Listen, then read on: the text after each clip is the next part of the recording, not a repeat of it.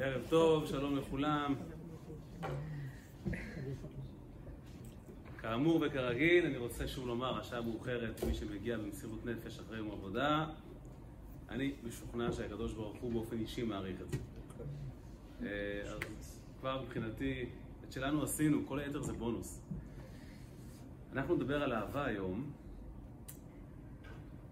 וכהקדמה לעניין של אהבה, והיום אהבה זה, זה הנושא הכי מדובר, אנשים נהנים לדבר על זה, זה גם הכי מוכר. אתה רוצה למכור משהו, הכל אתה מוכר באהבה כמובן. הבנק אוהב אותך, הכל הכל באהבה גדולה, ואיכשהו הדבר הזה לא, לא עובד כל כך. איך זה יכול להיות שעם התפתחות הדורות והשיח על אהבה, אנחנו דווקא, אנחנו לא רואים פריחה בזוגיות בעולם, אנחנו רואים אנשים שנהנים לדבר על אהבה ולעסוק בה ולשיר עליה, אבל uh, חוזי הגירושין עולים, והמצב לא משתפר. דווקא אצל סבתא וסבא שלנו, שלא ראינו אהבה גדולה. לפחות אני לא זוכר.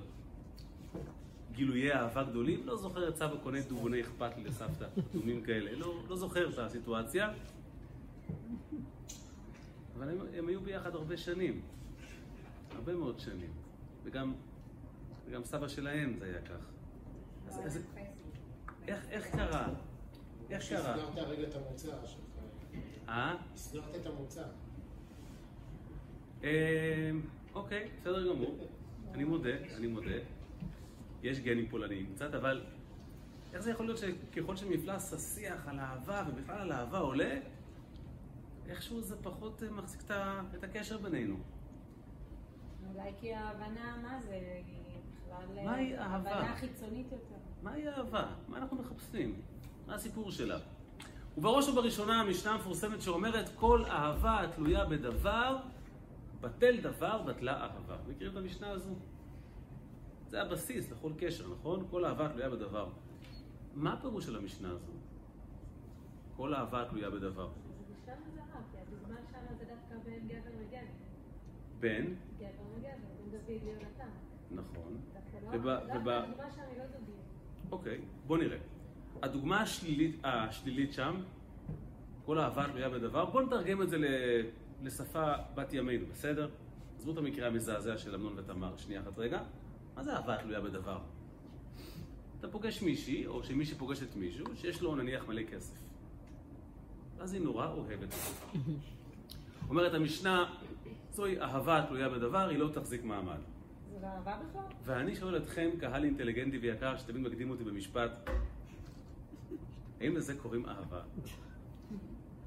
זה הרי דבר נורא ואיום לקרוא לדבר כזה אהבה, ב... נכון, נכון, אפשר לקרוא לזה אהבה, אני אוהב את הכסף שלך. כן, זה נכון. אני אוהב את הכסף שלך, או את הכסף שלך, את הקשרים, את השואו. בוא נאמר, כשאתם אה, קוראים אה, ידיעה, אל תקראו, אבל אם קראתם ידיעה לא דוגמנית שהתחתנה עם עוד אה, זמר, אתם לא מאמינים פה שיש איזה אהבת נצח, נכון? אתם מניחים שזה עכשיו התחיל טיימר ועוד כמה חודשים יתחילו, אה, יתחילו לדבר על זה שאול- שאולי הם נפרדים, כי אתם מבינים שהחיבור פה הוא, הוא חיבור קצת אינטרסנטי. למה לקרוא לזה אהבה בכלל? כל אהבה תלויה בדבר, בטל דבר, בטלה אהבה. זו לא אהבה. המשנה כן קוראת לזה אהבה. אהבה תלויה בדבר. יש פה לגיטימציה לקשר לא בריא בכלל. אוי, והתשובה היא, אנשים יקרים ואהובים, שהמוקש מספר אחת שמפריד אנשים היום היא אהבה. זה הפך לסכנה של הדור הזה. האהבה. היא מפרידה בין אנשים. כי כרגיל תופסים אותה לא נכון. מהי אהבה? חברים, כמה דקות של מדע, של מדע טהור. מהי אהבה בעצם? מישהו יכול להגדיר מהי אהבה? בואו נדבר על זה שנייה. בואו נהיה מדעיים, למרות שהשעה מאוחרת. בסדר גמור. כן, כן. זה הלב מצלצל. מהי אהבה? ואנחנו נגיע תכף לפסים פרקטיים.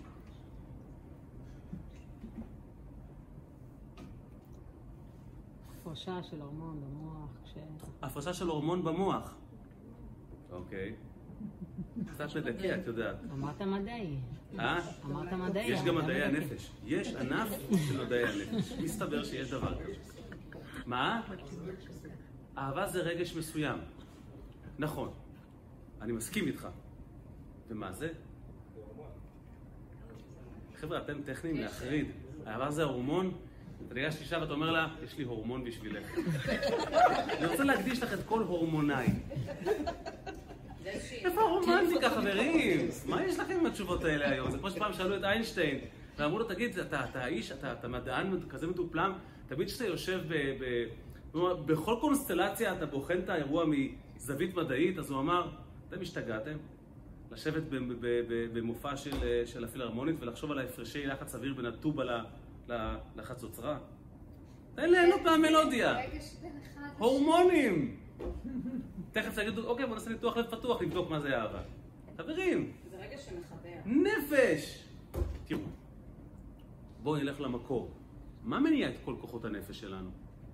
כל כוחות הנפש שלנו. מה שמניע את כל כוחות הנפש שלנו, זו הנפש שלנו. יש לנו נפש.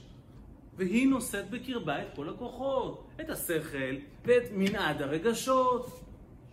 ולתנועת הנפש, תנועת הנפש קוראים רצון. רצון זה מלשון מרוצה והתקדמות. רצון זו הטיה של הנפש. הנפש שלי רוצה עכשיו להגיע לשם, הנפש שלי שם כרגע. והיא תגייס את כל הכוחות למטרה הזו.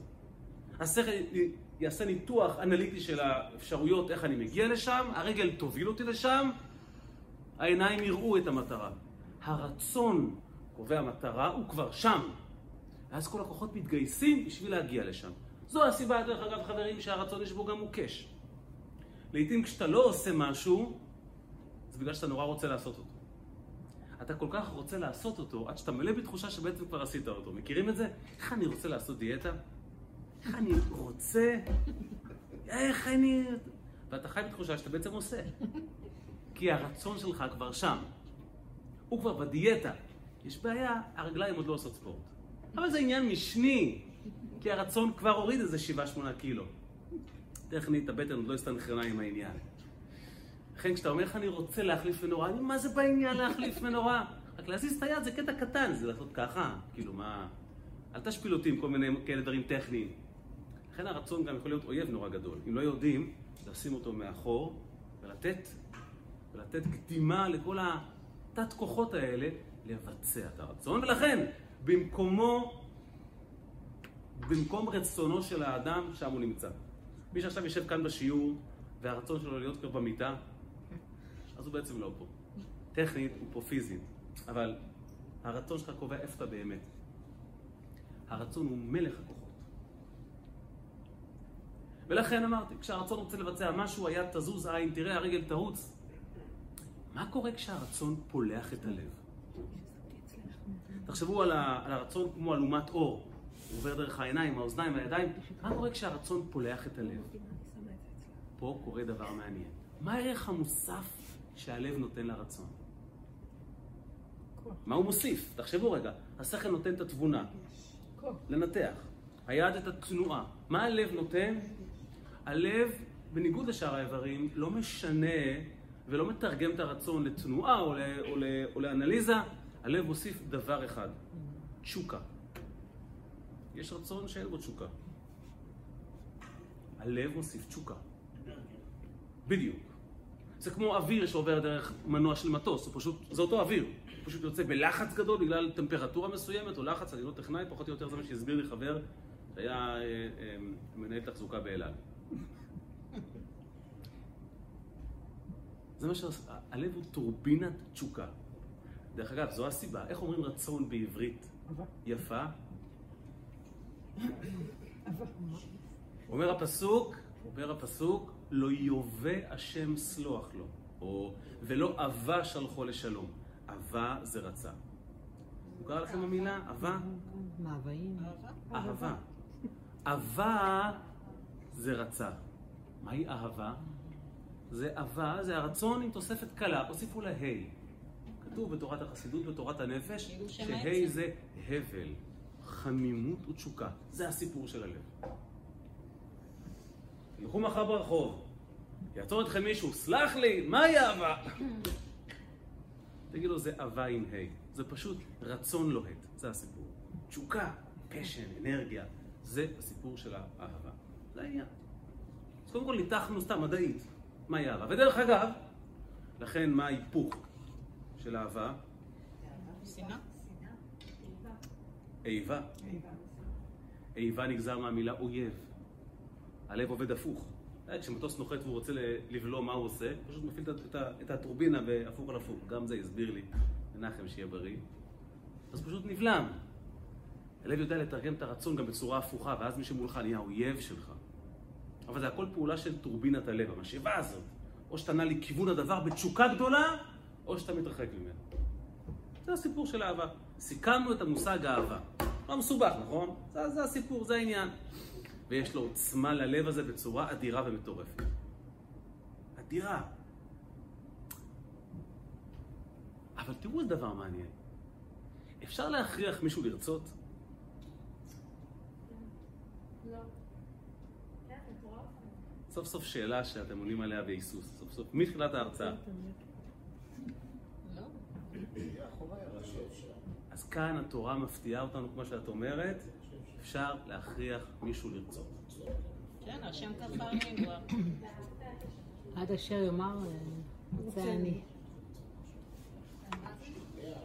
עד שיאמר רוצה. גירושים. כולם פה שומעים ציטוטים, איזה בקיאות מדהימה, זה לא יאומן.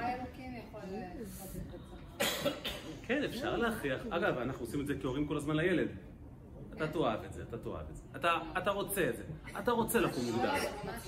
אתה רוצה לקום מוקדם. הוא הולך בסוף ללימודים. הוא הולך בסוף ללימודים. הוא הולך בסוף ללימודים. אז הוא רוצה. אנשים יקרים, קובעת התורה כלל, תזרמו איתי רגע. אפשר להכריח מישהו לרצות ושהוא ירצה את זה. זה קטע מדהים שהתורה קבעה. בקשות. וזה מעוגן בהלכה. בהלכה. ההלכה זה לא מדרש, ההלכה עוסקת, עוסקת בפרקטיקה. איפה זה מעוגן בהלכה? בקניין. גט הוא הדוגמה המדהימה. אגב, דווקא גט. מתאים לשיעור הזוגיות. יש תנאי בגט... זה רפואה למכה. כן. אהבתי את הגישה האופטימית. בוא נדבר על גט ליתר ביטחון, אתה יודע, אם יקרה משהו, מה שיקרה יקרה. כמו אותה אישה שהגיעה לגיל 90, אישה צדקנית, תמימה, מבוגרת, שכל החיים רק תהילים ותהילים ותהילים ובדמעות לקדוש ברוך הוא, וכל כולה טהרה, הסבתא המרוקאית של כולנו. אז בגיל 90 היא הרגישה שהיא עומדת לפרוח נשמתה, אז ניגשה בחיל ורחימו מול השידה, פתחה את המגירה, הוציאה צלב קטן, נשקה ואמרה, מה שבטוח, בטוח. לא יודעת, זה... אומרת ההלכה, כשאדם נותן חס ושלום גט לאשתו, הוא מוכרח לרצות את זה. אם הוא לא רוצה את זה, הגט לא תקף. וזה סיפור, כי אם הגט לא תקף, יש את איש, זה לא משחק. ואז יש שאלה, מה קורה אם בעל לא רוצה לתת גט? וההלכה עוסקת בפרקטיקה, לא בדרשות. קובעת ההלכה, בית דין לוקחים את הבעל, מפעילים לחץ פיזי מתון, טלטולים קלים, עד שהוא אומר, טוב, בסדר, בסדר, אני רוצה, אני מוכן, עד שהוא אומר, רוצה אני. קצת ככה נענועים, קצת טלטולים, נוסח סטייל השב"כ, עד שהוא אומר, אני מעוניין והגט הזה כשר. על בסיס מה ההיגיון? הרי זה, זה, זה מטורף לגמרי. הוא אומר רוצה. כן, אה? כמו שהבן אומר, אני רוצה בסוף, אני רוצה, אני רוצה, כן. תיזהר אם אתה תבוא תכף. אוקיי, אני רוצה לאכול. מגלים את רצונו הפנימי. קובעת ההלכה, זה הלכה מפורשת בשולחן ערוך. כותב את זה הרמב"ם למען האמת, הוא כותב, מכיוון שרצונו האמיתי של כל יהודי הוא לבצע את מה שבית דין הכתיבו לו, בעצם הוא רוצה, הוא רק לא יודע שהוא רוצה. לא, הוא לא רוצה לקבל מכות גם, זה חלק מההסכמה.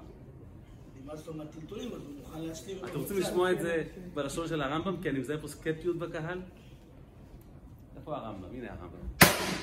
נפל הרמב"ם. תרים אותו. תקשיבו איך מנסח את זה הרמב"ם.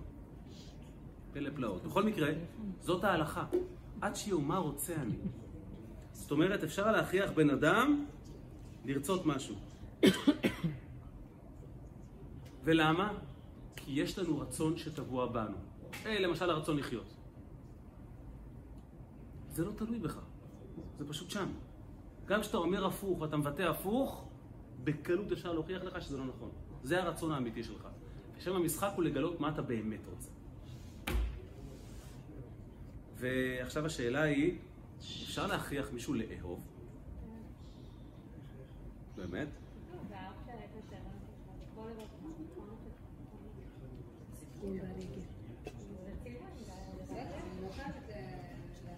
להפעיל לחץ פיזי בטוח. אני אומר להם שצריכים שם רצון. שכן בזמן.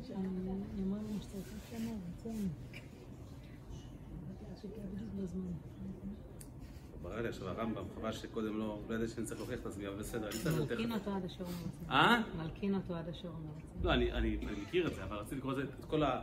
איך, איך הרמב"ם מנסח ואומר, הוא בעצם רוצה. הוא בעצם רוצה. אולי אפשר להכריח לרצות לאהוב. בית דין יכולים להכריח את הבן אדם לאהוב את האקט שהוא עושה עכשיו? לא. לא. אפשר להכריח מישהו לאהוב משהו? אי אפשר להכריח לאהוב. איך אתם מסבירים את זה שלאהוב, שהוא לכאורה נתין של הרצון, אני לא יכול להכריח את הבן אדם, אבל לרצות אני כן יכול. זה רגש וזה משהו אחר, זה משהו שמגיע מ... התשובה היא, חברים יקרים, מסתבר שיש באהבה איזה אלמנט שהוא גבוה מהרצון. מה שמניע את האהבה זה משהו מאוד עמוק. במובן מסוים יותר גבוה מהרצון. הכלל אומר כך, אני רק מצטט. ביום שאדם לא אוהב את עצמו, הוא לא מסוגל לאהוב שום דבר אחר. ככל שאדם אוהב את עצמו יותר בגלוי, הוא כשיר להעניק אהבה לעוד דברים אחרים. כשהוא לא אוהב את עצמו, אין לו את היכולות הנפשיים לאהוב שום דבר אחר. זאת אומרת שהאהבה שלי נגזרת ממשהו הרבה יותר עמוק, גבוה מהרצון. קוראים לזה אהבה עצמית. מהי אהבה עצמית? אהבה עצמית זה אהבה שלי כלפי עצמי. אין דבר קרוב יותר אליי מאשר האהבה העצמית שלי. בעצם האהבה העצמית שלי עוסקת בשאלה מי אני בכלל? מי אני?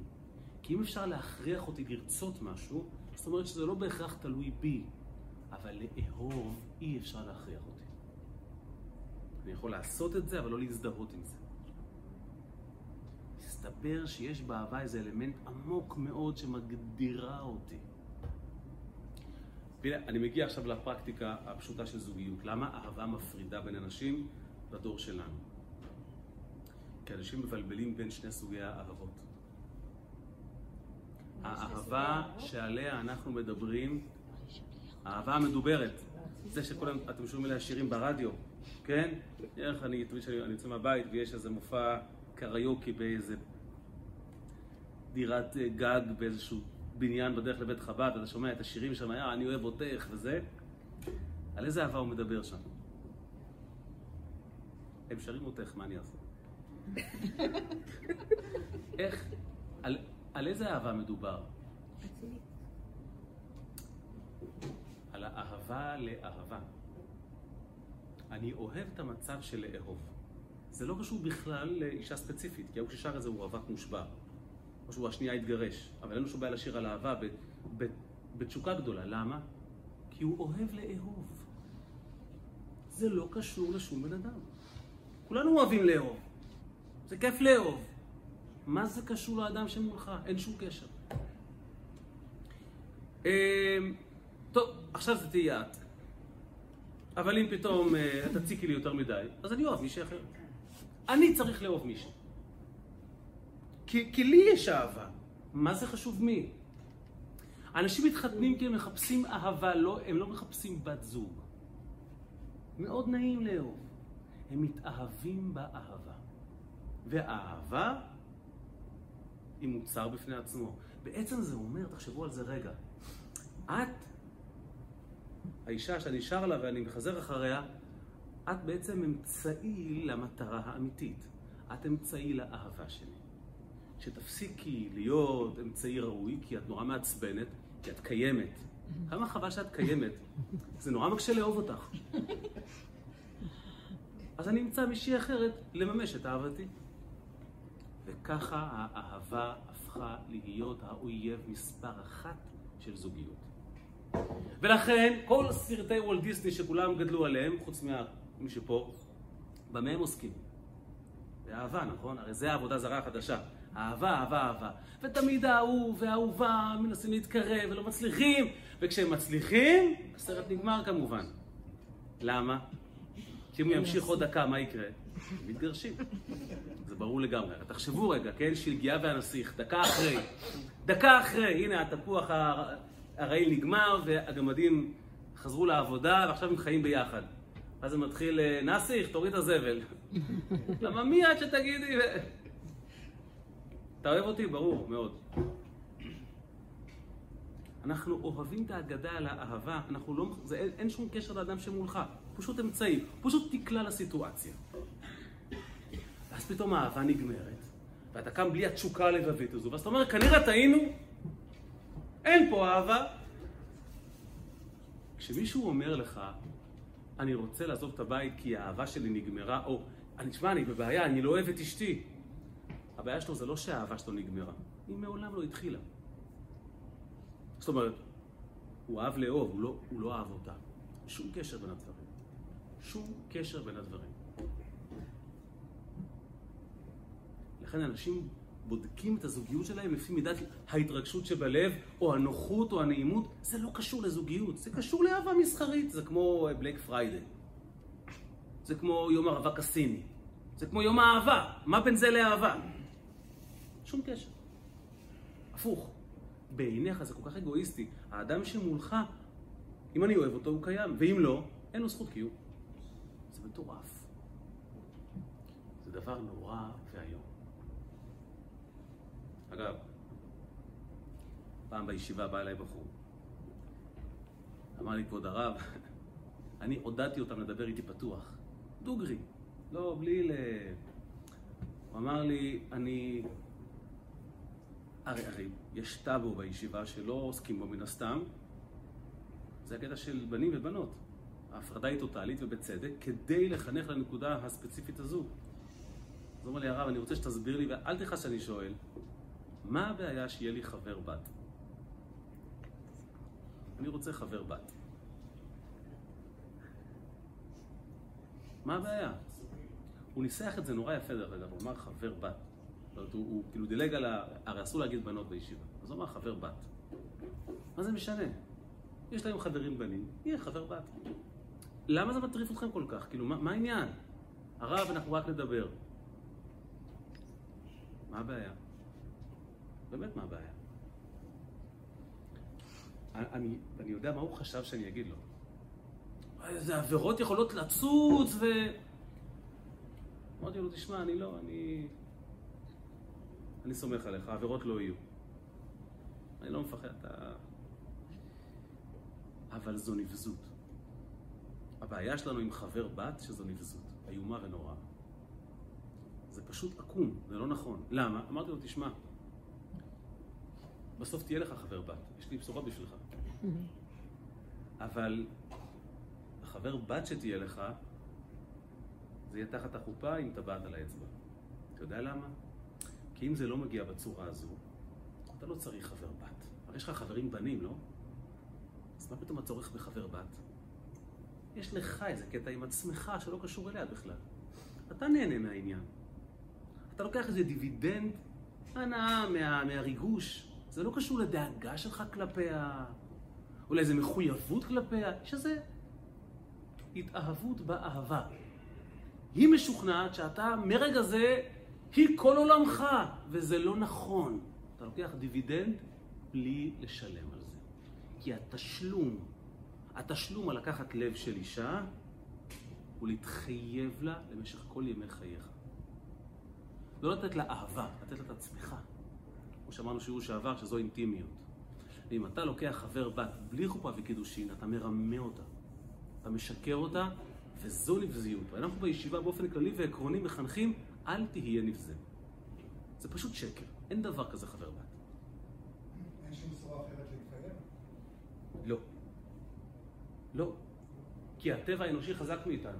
אנחנו מחפשים באופן טבעי אזורי נוחות. וזה מאתגר אותך זוגיות. אז בשנייה שפתאום היא תפסיק להיות מעניינת או נחמדה, אתה תחתוך. או להפך. או, תכף, תכף נגיע לזה. למה בעצם אנשים שהם לא דתיים ואין להם חיוב להתחתן, מתחתנים תכלס? לצערנו זה הולך ופוחת. לא, כי אם אין להם את ה... אני לא מבין את זה. הסבא והסבתא וזה הולך ופוחת. תכף, תכף נגיע לזה. אנחנו, אנחנו היינו מעדיפים את האהבה בלי האהובה, כי זה סתם מפריע לנו. ולכן האהבה הפכה להיות אויב. וכשהמשנה אומרת, "אה, כל אהבה תלויה בדבר, בטל דבר, בטלה אהבה, מה בעצם אומרת המשנה? אסור שיהיה בין בני זוג שום דבר, אפילו אהבה. אם זה ביניהם, זה יהרוס את הקשר. זה טוב כאמצעי. זה טוב כאמצעי. אהבה זה לא דבר רע אם היא אמצעי. אם היא המטרה, הקשר הזה יתפרק. אהבה תלויה בדבר משמעותה, תלית את האהבה כסיבה לקשר ביניכם. אהבה זה דבר שחולף ובא והולך, אז מה? אז כשאהבה תיגמר אתה תעזוב אותה? אז מראש לא אהבת אותה, אהבת את האהבה. איך אהבה זה דבר חולף? אני לא מבינה. איך- אפשר להגיד דבר כזה? או שאני לא מבינה למה אתה מתכוון. אהבה זה דבר חולף? כן, בטח. ודאי. אותה הוכחה? תסתכלי על עזרת גברים רגע. מה לא חולף? מה לא חולף? אהבה עצמית לעולם לא חולפת.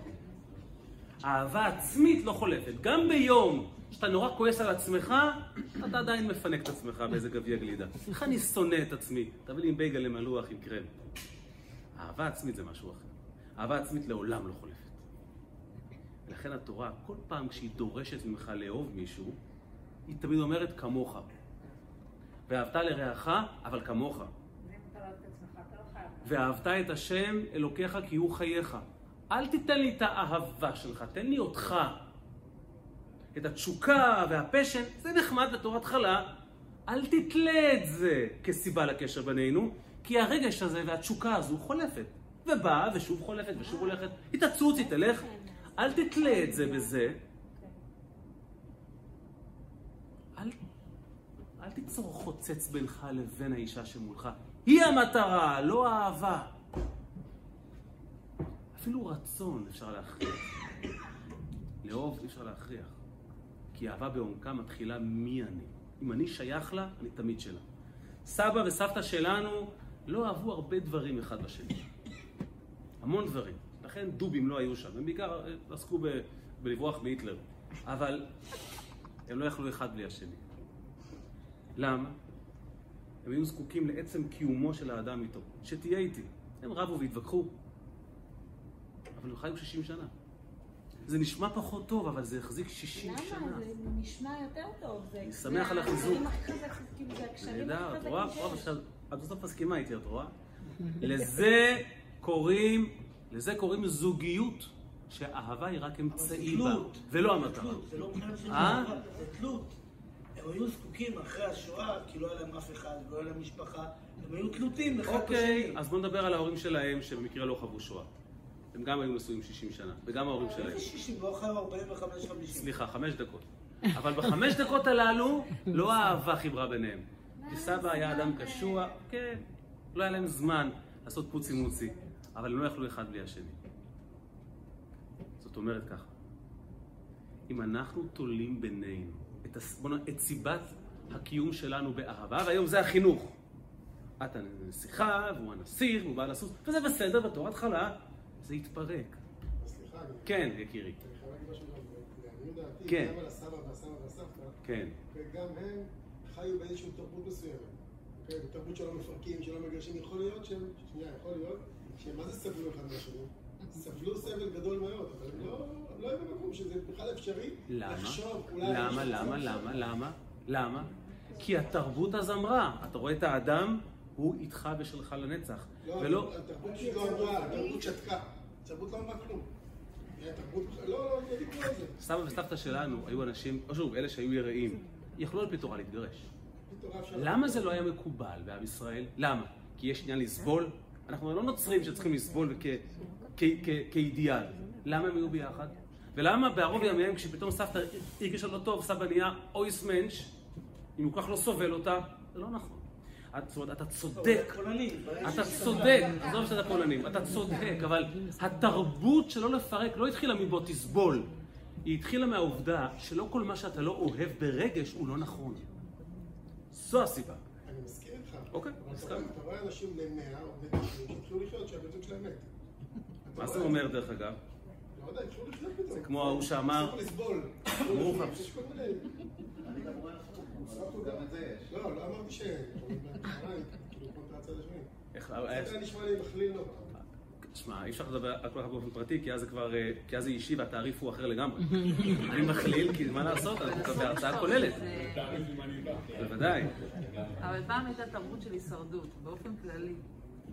היו צריכים לשרוד את החיים, להעביר אותם, וזה גם חלק מהעניין הזה, מה שהוא אומר. אני לא בטוח, היו בעם ישראל תקופות נהדרות, תור הזהב וספרד, הם- הם הם שרדו משהו?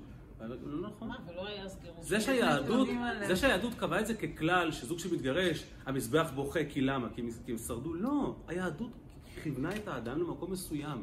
אמרה לו, תקשיב, אתה רוצה חבר בת? אלה הקריטריונים, אתה יכול לא להסכים. בניגוד לקתולים, אצלנו אפשר להתגרש. אבל מה זה זוגיות? למה חינכו לא לפרק בית? כי אם אתה חי, תראו מה קורה היום. הכל נגזר לפי מה שאני אוהב. מה זה אוהב? בא לי. אז אני הסיפור. לכן המשפט אני אוהב אותך זה אני אוהב אותך. קודם כל אני, ואז האהבה שלי. ואם את בסוף סבבה, אם לא, את אז השכנה. לא. אם אתה תופס את האהבה כמטרה, אתה תסבול. וזה יתפרק כנראה. בטח. אם זה אמצעי, אמרת בהתחלה שזה אהבה של אהבה? כן, לאהוב את האהבה. נכון, אבל בעצם אם אני אוהב את עצמי, או, איך אני הופך את האדם שמולי לחלק מהאהבה העצמית שלי? איך אני מדלג על המשוכה הזו? כי תכלס, כולם רוצים לאהוב אהבה כזאת של, של וולט דיסני, על ידי של נתינה, אנטישמי. שזה לא אגואיסטי. אבל איך אני עושה את זה? מה, מה הכלי? כשאומר לי אלוקים, תאהב אותי כאילו אני החיים שלך. נתינה? איך אני עושה את זה? נתינה? מה הכלי? כי הוא הרי צועק עליי, ואהבת את השם אלוקיך, הוא, הוא רוצה שנאהב אותו, אלוקים ביקש שנאהב אותו. אל תשכחו, זוגיות ו... והיהודי והבורא זה, זה חד הם. הוא ביקש שנאהב אותו. אבל הקדוש ברוך הוא, אני, אני, האהבה שלי היא שלי. אי, אי, אי, אפשר להכריח לאהוב. מה הכלי שעוזר לדלג מעל המשוכה הזו? לעשות מה שהוא רוצה. סליחה אולי? פה אני כן אקרא לכם מהכתוב. תראו כמה התורה שלנו וקדמוננו לא עסקו בהישרדות, עסקו בתבונה. תקשיבו.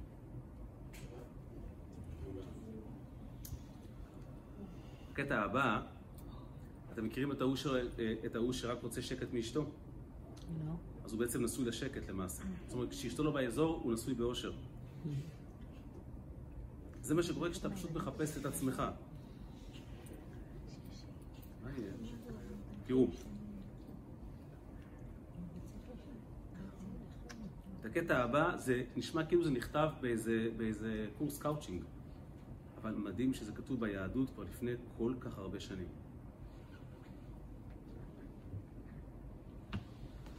שנייה שאני אמצא את זה גם, זה יהיה נהדר.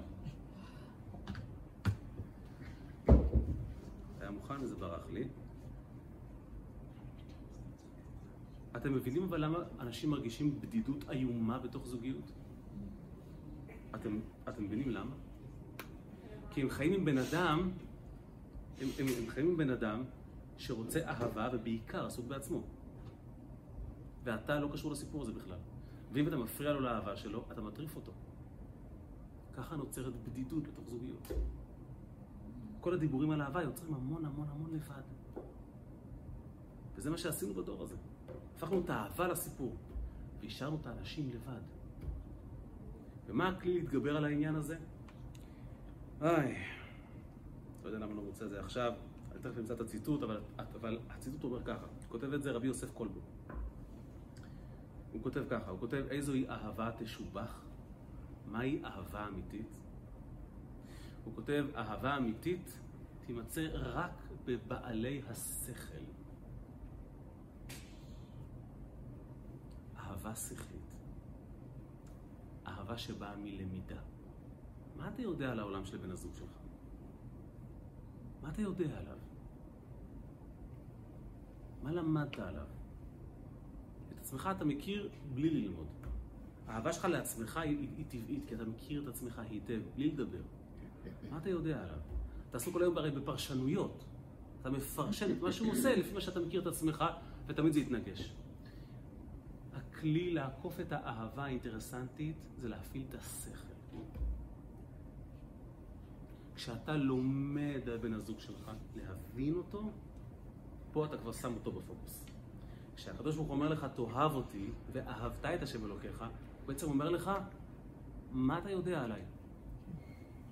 מה קראת עליי? אם תדע אותי, דע את אלוקי אביך, ואז ועובדהו בלב שלם. אתה לא יכול לאהוב מישהו שאתה לא יודע עליו כלום. אם חיפשת לאהוב, האדם שמולך הוא אמצעי, הוא לא מעניין אותך, ולכן, בצ'אנס הראשון שהוא יטריף אותך, אתה תזרוק אותו. אם אתה לומד עליו, אתה מתייגע להבין אותו, אתה עוצר את החיים כשמשהו לא מסתדר ואתה אומר, אבל למה הוא כועס ככה? מה חסר לו? למה הוא צועק? המוח יודע לעשות את הקפיצה הזו בין האהבה האינטרסנטית לבין החיבור המושלם. אומר לך אלוקים, אל תגיד לי אני אוהב אותך. הייתה פעם נערה שכתבה לרבי מלובביץ' שהיא לא רוצה להתחתן כי היא התאהבה בדייט שלה. ככה היא כתבה לו. היא אוהבת ב... איך אומרים את ה... מי שיוצאים איתו? בפגישה, בפגוש בקיצור. היא התאהבה בפגוש שלה, אז היא לא רוצה להתחתן, משום שאז, ככה היא כתבה לרבי, כי אז אהבתה תיגמר. הרי איפה היא הגיעה למסקנה הזו? יש לה הורים בבית. לא צריך הרבה דמיון. אז היא לא רוצה להתחתן. הרבי כותב לה שאת פשוט מבלבלת בין התאהבות לאהבה. מה שאת חווה עכשיו זו התאהבות, זה לא אהבה. ולא תוכלי לזכות באהבה אם לא תתחתני. ולמה? ההתאהבות זה בעצם השם של האהבה, של הלהתאהב באהבה. מה זה התאהבות? התאהבות זה לאהוב את האהבה? כן. למה? כי אתה לא מכיר את האדם שלך שמולך, אין לך מושג מי האדם שמולך. אתה, אתה לא יודע מי זה, אז על בסיס מה אתה חולה עליו כל כך? כי זה נעים. זה אמבטיית קצף לבבית כזו, שאתה יושב בה ואתה מבסוט. אין לזה שום קשר לאדם שמולך. שום קשר. אבל גם אנשים משתנים, כאילו, גם כשאתה מכיר, זהו. ולכן, בשלב הזה, אני אוהב אותך, הוא זה אני. ו... ואז מגיעה החופה. ומה אתה מצהיר תחת החופה? הרי את מקודשת לי, קודם את. ואחרי זה אני. אחרי, ואחרי תקופה קצרה, אתה פתאום מגלה מי האדם שמולך, פתאום ההתאהבות נגמרת. לא שאתה שונא אותו חלילה, אבל התשוקה והלהט פתאום נגמרים. למה? כי פתאום זה קשור אליו. וזה אני- העניין של מחויבות. פתאום הוא הפוקוס. אז אתה אומר, רגע, עצור, עצור, עצור. פתאום אני לא חש תשוקה והתלהבות. הוא פתאום מטריף אותי ומעצבן אותי, וכל מה שהוא עושה משגע אותי. אולי אני לא בסדר. עכשיו, אומר לה הרבי, עכשיו מתחיל השלב של האהבה. כי אהבה שווה עבודה.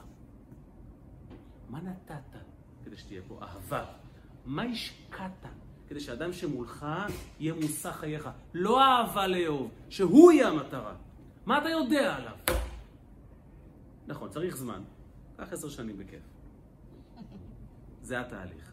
אמר לה הרבי, מהי אהבה? כן, אהבה זה סבא וסבתא אחרי 60 שנה ביחד. תנסה להפריד ביניהם. תנסה. אגב, אמרת קודם שאנשים חיו אחרי שהם... כל גבר מצוי, אל תספרו לנשים, שיש לו יום חופש, אה, לא מהאישה חלילה, אבל שהיא עסוקה בדברים טובים. היא הלכה עם אחותה לקניות, היא טסה עם אמא שלה לרבי. גבר נורמלי קופץ על הספה בבית.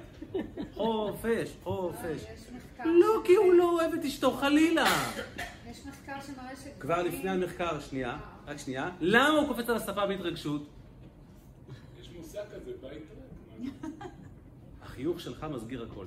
אבל למה הוא קופץ על הספה בהתרגשות? כי עבודה, כי אהבה משמעותה עבודה. זה אמור להיות כך. זאת עבודה.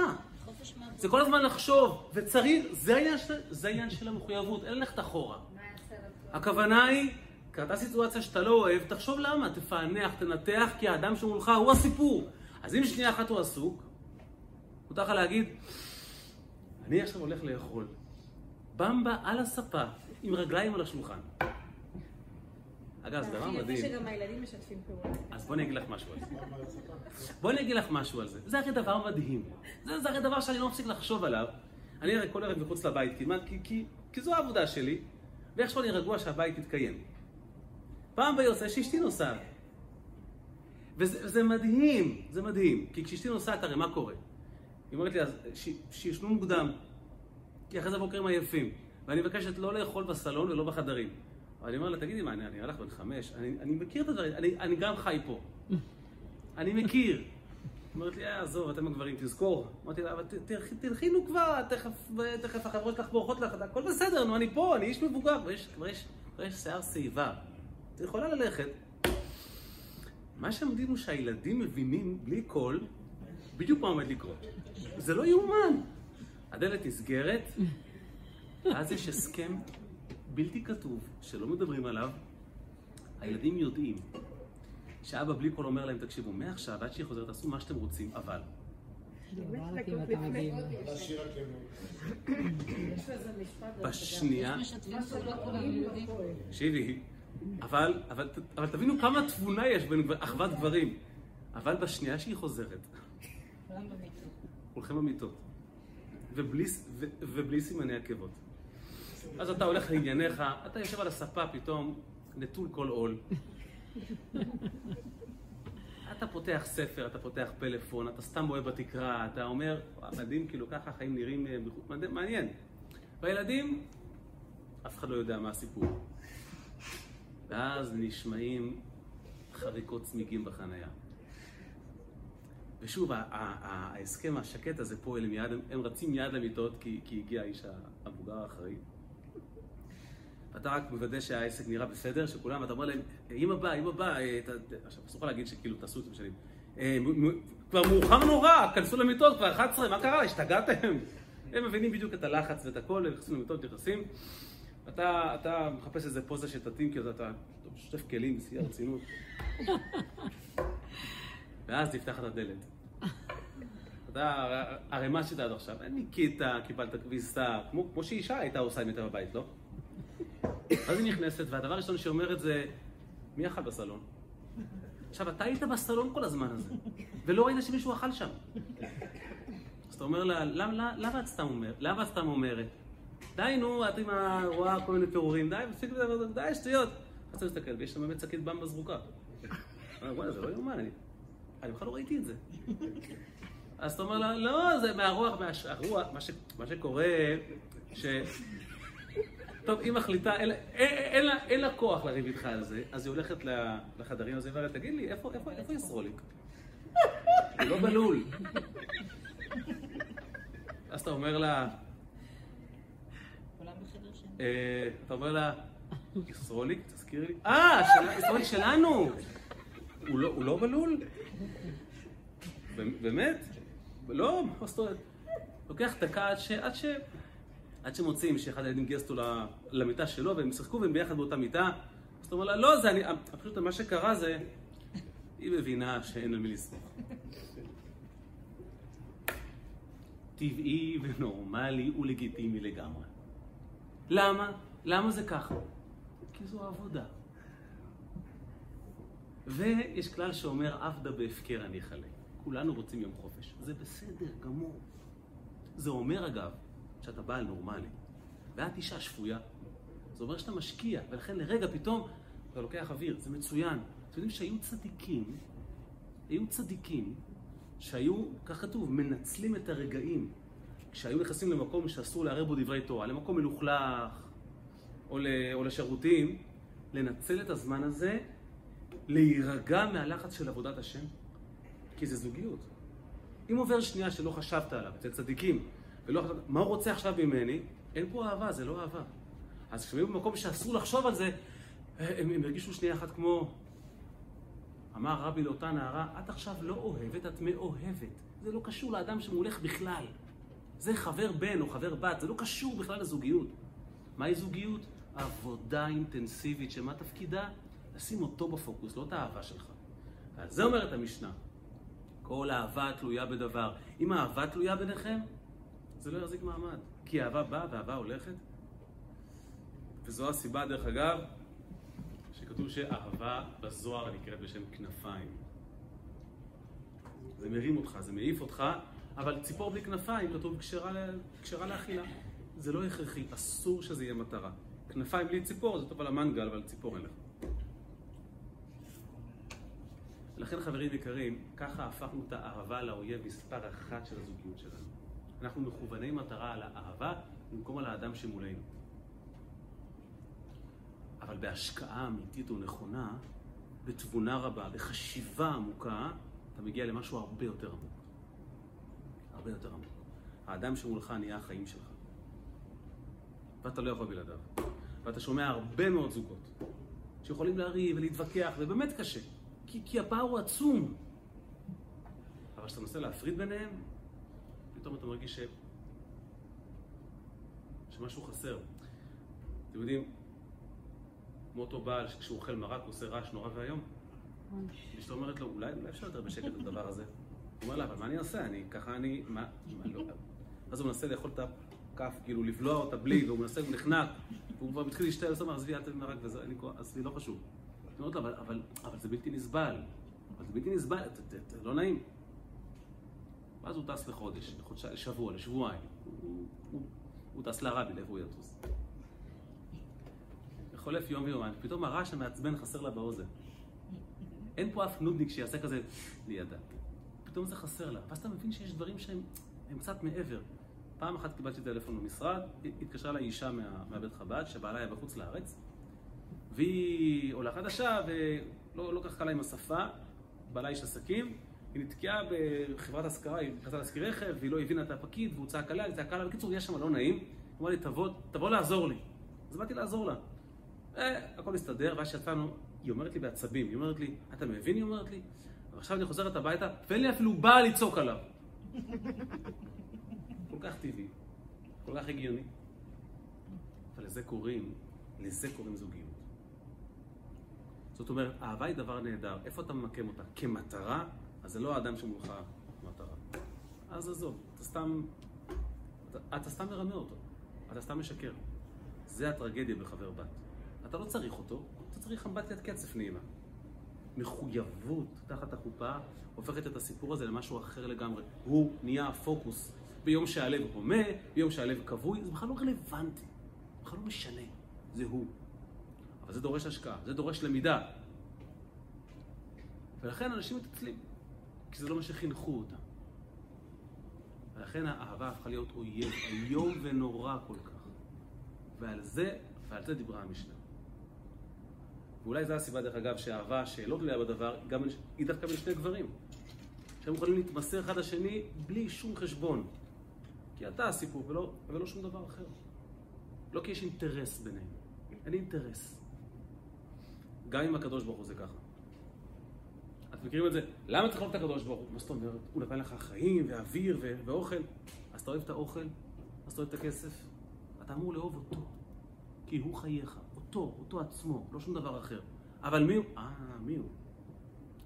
לכן אומרת ההלכה שצריכים להתבונן בגדולת השם, לחשוב עליו, ללמוד אותו, אחרת איך תאהב אותו? אחרת אתה אוהב את עצמך.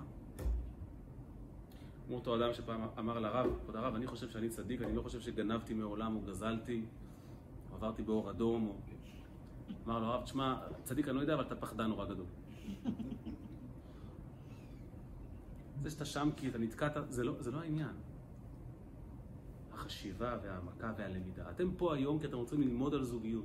מי שרוצה ללמוד על זוגיות הוא בדרך הנכונה. כי הוא מבין שהסיפור הוא למידה.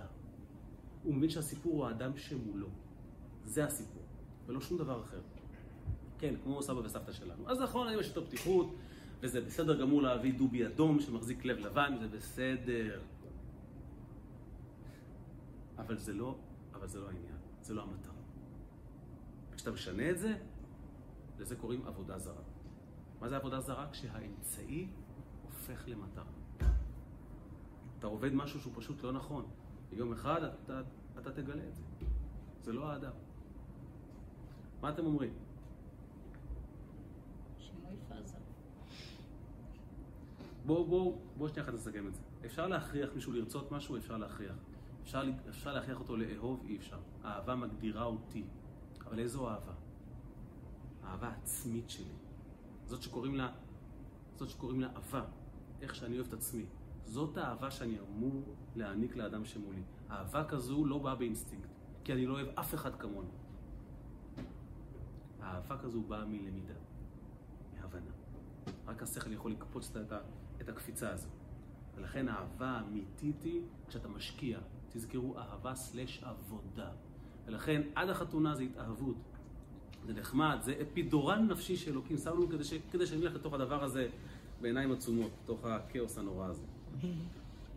אבל מהשנייה שזה מתחיל להיות הסיפור האמיתי, פה העבודה קובעת התוצאה. ולא התשוקה הזו, שגם היא חשובה, היא תצוץ מדי פעם. אבל זה יהיה משהו אחר לגמרי. זה כמו שאתה עושה מצווה, גם ביום שאתה לא משוגע לקדוש ברוך הוא. זה לא קשור בכלל, אין שום קשר. כי אתה שלו והוא שלך. אתה רוצה שתהיה לך אהבה נורא גדולה, אתה עובד על זה.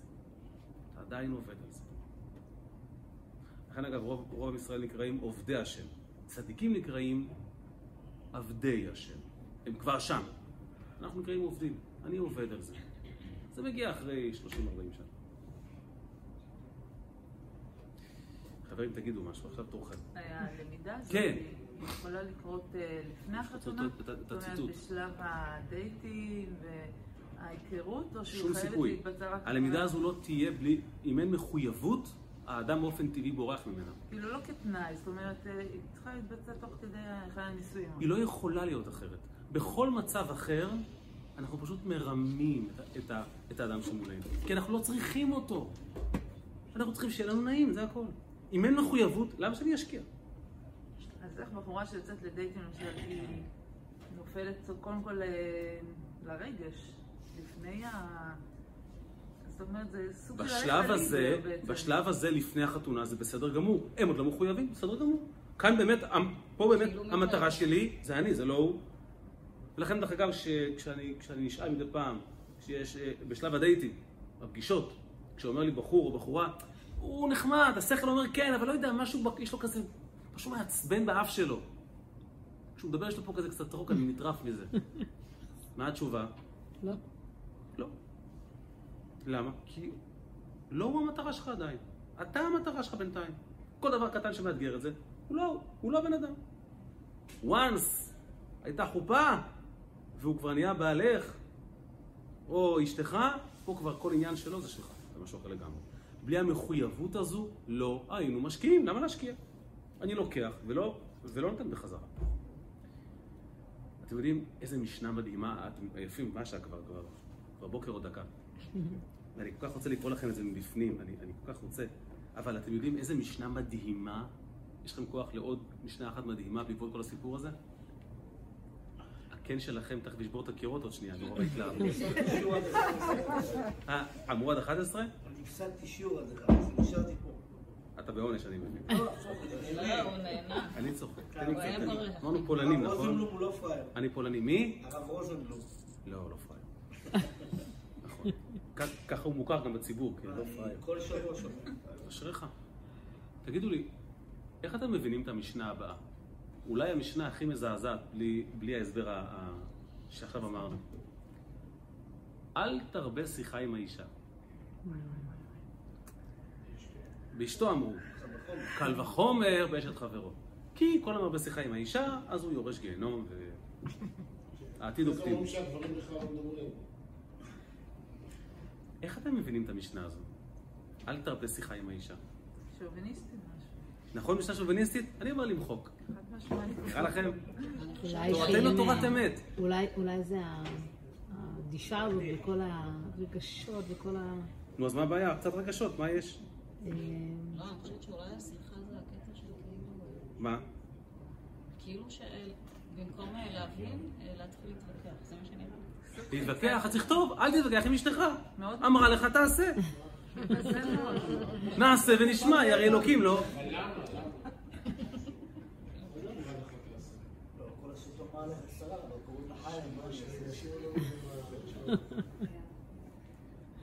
איי איי איי, חייב למצוא את הציטוט. אתם יודעים מה התשובה? אתם יודעים מה התשובה? איך, איך, איך? כן, כן.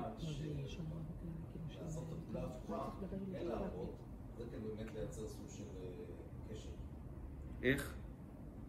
אם לא תרבה שיחה עם האישה, כן, זה למעשה סוג של איסור. אבל למה להרבות שיחה איתה? היא כך רוצה לדבר איתך, דבר איתה קצת. היא אומרת לך בוא נדבר וזה. אבל היא אשתי, ואשתו אמרו. אני תמיד שואל, אני תמיד, כש- כשאשתי אומרת לי בוא נדבר, אני אומר לה, כתוב אסור. אל תרבה שיחה עם האישה. פעם, לי, הלכה, מה- אני אעשה? אני מת לדבר, אני רוצה נורא. דווקא פיניתי בלוז את הזמן לדבר, ותראה איזה קטע, המשנה אומרת שלא. אני חושב שמי שכתב את המשנה זה גברים, ואמרו, עצה כזה טובה, אל תסתפק. אני לא יודע, אתה כל- ערב מבסוט מדי, ומשהו משהו לא מוצא חן בעיניי בגישה. אמרתי לתוך פנים פשוט. היה לי פעם כזאת מישהי בקהל שאמר לי, חברים, ההסבר, ההסבר, מה שאמרנו נפלא, ואגב, מצאתי את הציטוט, לא כתב את זה רבי יוסף קולבו, אלא רבי יוסף אלבו, מהראשונים. אתם יודעים מה המשנה, מה הפירוש של המשנה הזו לפי החסידות? תראו איזה דבר נפלא זה. תראו כמה התורה מכירה את הנפש של הבן אדם. מה זה אל תרבה? תגיד כמה. כמה זה נקרא להרבות שיחה? מילה, שתיים, שלוש, ארבע? מה, מה זה להרבות? כאילו, מה הסטנדרט? ומה זה להרבות? מילה אחת זה כבר הרבה מדי. מה, מה זה נקרא להרבות שיחה? איי, ההסבר הזה נהדר. ההסבר החסידי אומר ככה, תקשיבו, הוא אומר ככה. באופן כללי גבר לא, לא מרבה בשיחה בכלל. למה גבר מדבר? צריך משהו. מדברים איתו? הוא צריך משהו. להעביר מסר. לא שהוא עונה לך בוקר טוב. איפה גבר מדבר? כשהוא רוצה להרשים. נכון?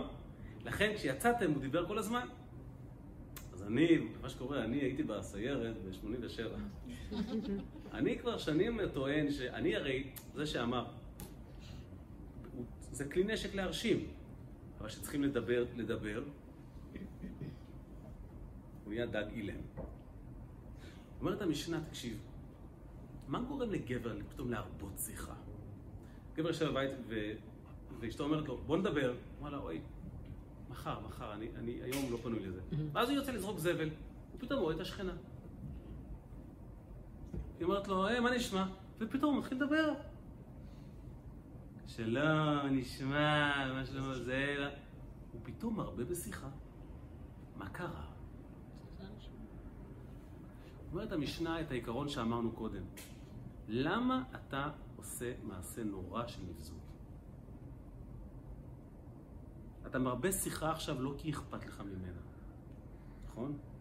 כי אם היה אכפת לך ממישהי, אשתך בבית, אתה מרבה שיחה כי זה נעים לך. קוראים לזה ניצול, או הטרדה.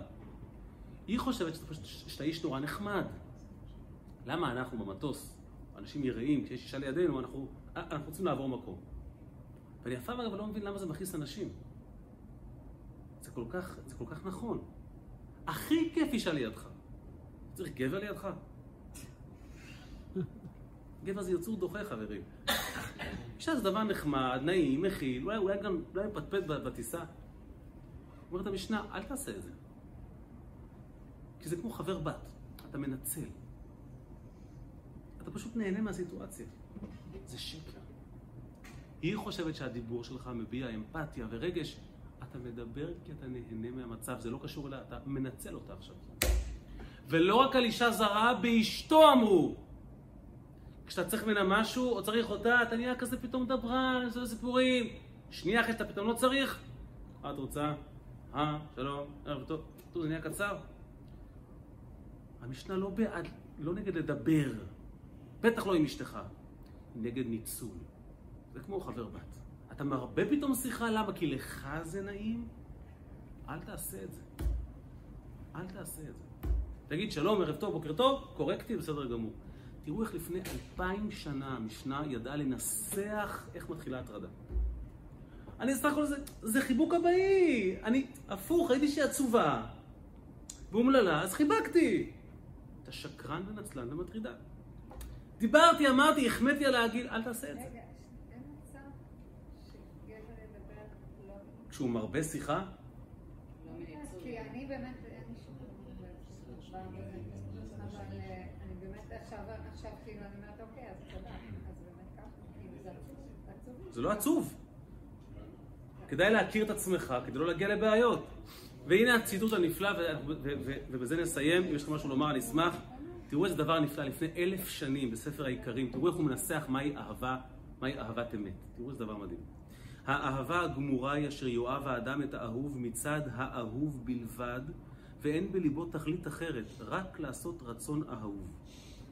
והאהבה הזאת, מצד האהוב, לא תהיה אלא בבעלי שכל ובינה, והיא האהבה המשובחת במיני האהבות, ולא תימצא אלא בבעלי שכל ובינה, ובה ישובח האדם או יגונה עליה.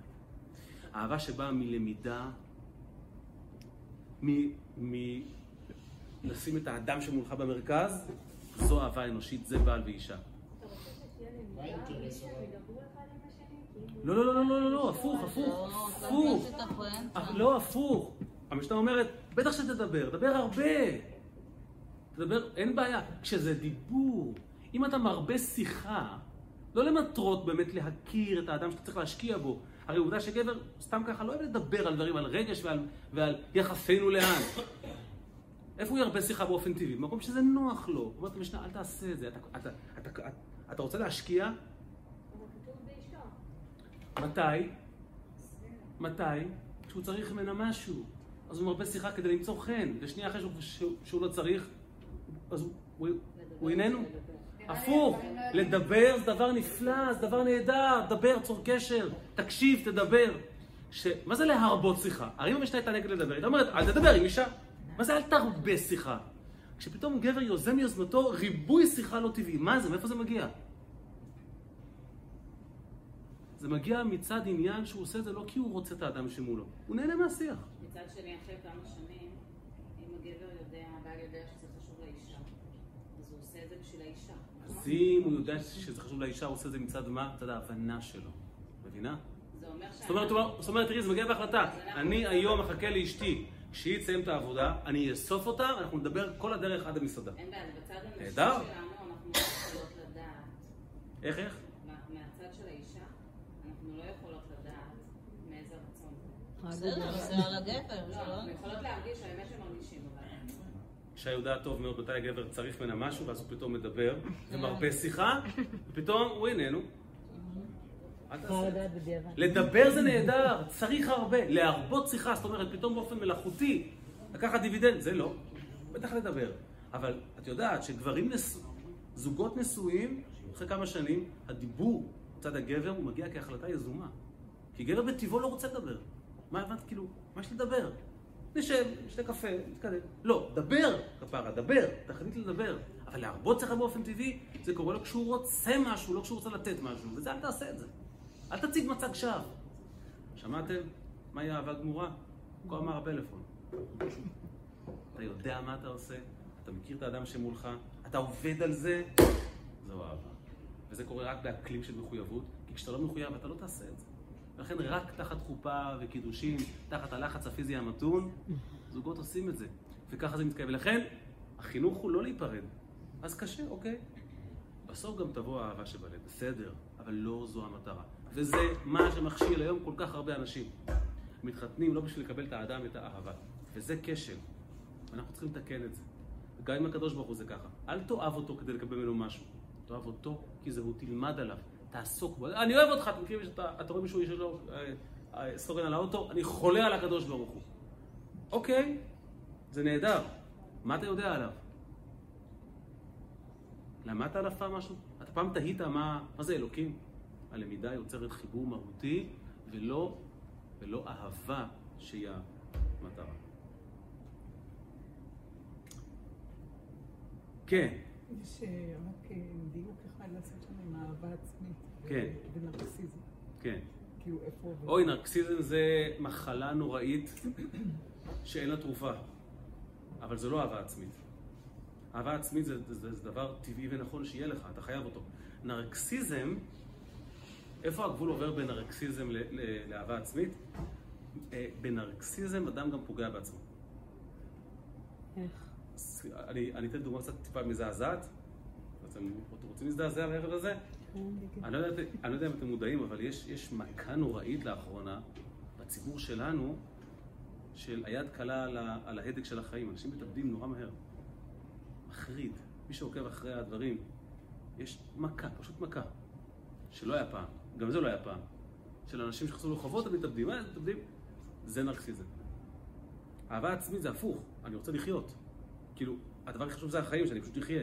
נרקסיזם זה אומר, אני, אני, אני כל כך, כל כך אטום, וכל כך כלוא בתוך הבועה של עצמי, שאני גם אזיק לעצמי לטובת איזה אינטרס רגעי. זה נרקסיזם.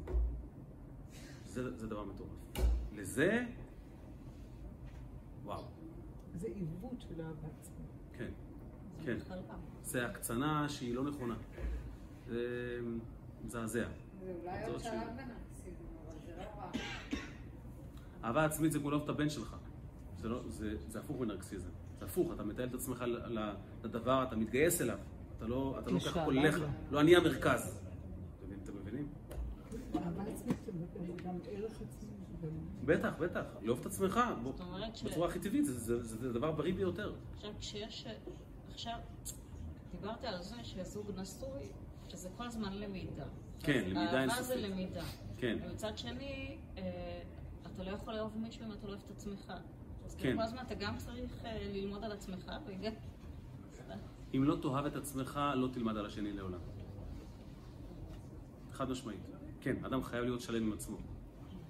אבל אהבה עצמית היא טבעית לנו. לא צריך... אה, לא, לא נכון. צריך להתאמץ כל כך. גם כשאת מרגישה שאת לא אוהבת את עצמך, איך תגיבי למישהו שרוצה לפגוע בך?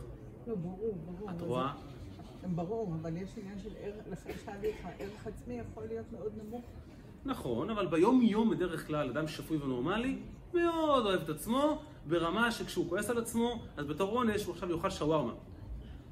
איך אני שונא את עצמי, אני עכשיו יאכל ולא אכפת לי הקלוריות. מבינה? זה- לא נרקסיזם. המקור בתורה לזה? למה? אמרת שיש איזשהו מקור אה, בתורה, לאהבה עצמית הזאת. כן, ואהבת לרעך כמוך. כמוך, ואהבת את השם אלוקיך, כי הוא חייך. תאהב אותו כאילו הוא אתה. זה אהבה עצמית. איך? דע את אלוקי אביך. תלמד עליו, תבין אותו. מה אתה יודע על אשתך? זה משהו שמדברים עליו כל כך הרבה בשנים האחרונות לפחות, על האהבה העצמית הזאת, כמה היא חשובה, אבל נכון. לא ידעתי שיש לזה מקור בתורה. כן, בטח. זה המקור. חברים, מה אתם יודעים על נשותיכם? אקו, בפלאפון. מה אתם יודעים על האישה שלכם? על העולם הפנימי שלה, על הרגשות שלה, על החוסרים שלה, על התשוקות שלה. נעלמו דום, נעלמו דום. סיבכת אותם עכשיו. שיעור הבא. הם- לא. עשו פרצוף של באנו לפה, זה לא מספיק. האמת היא שזה- הרבה.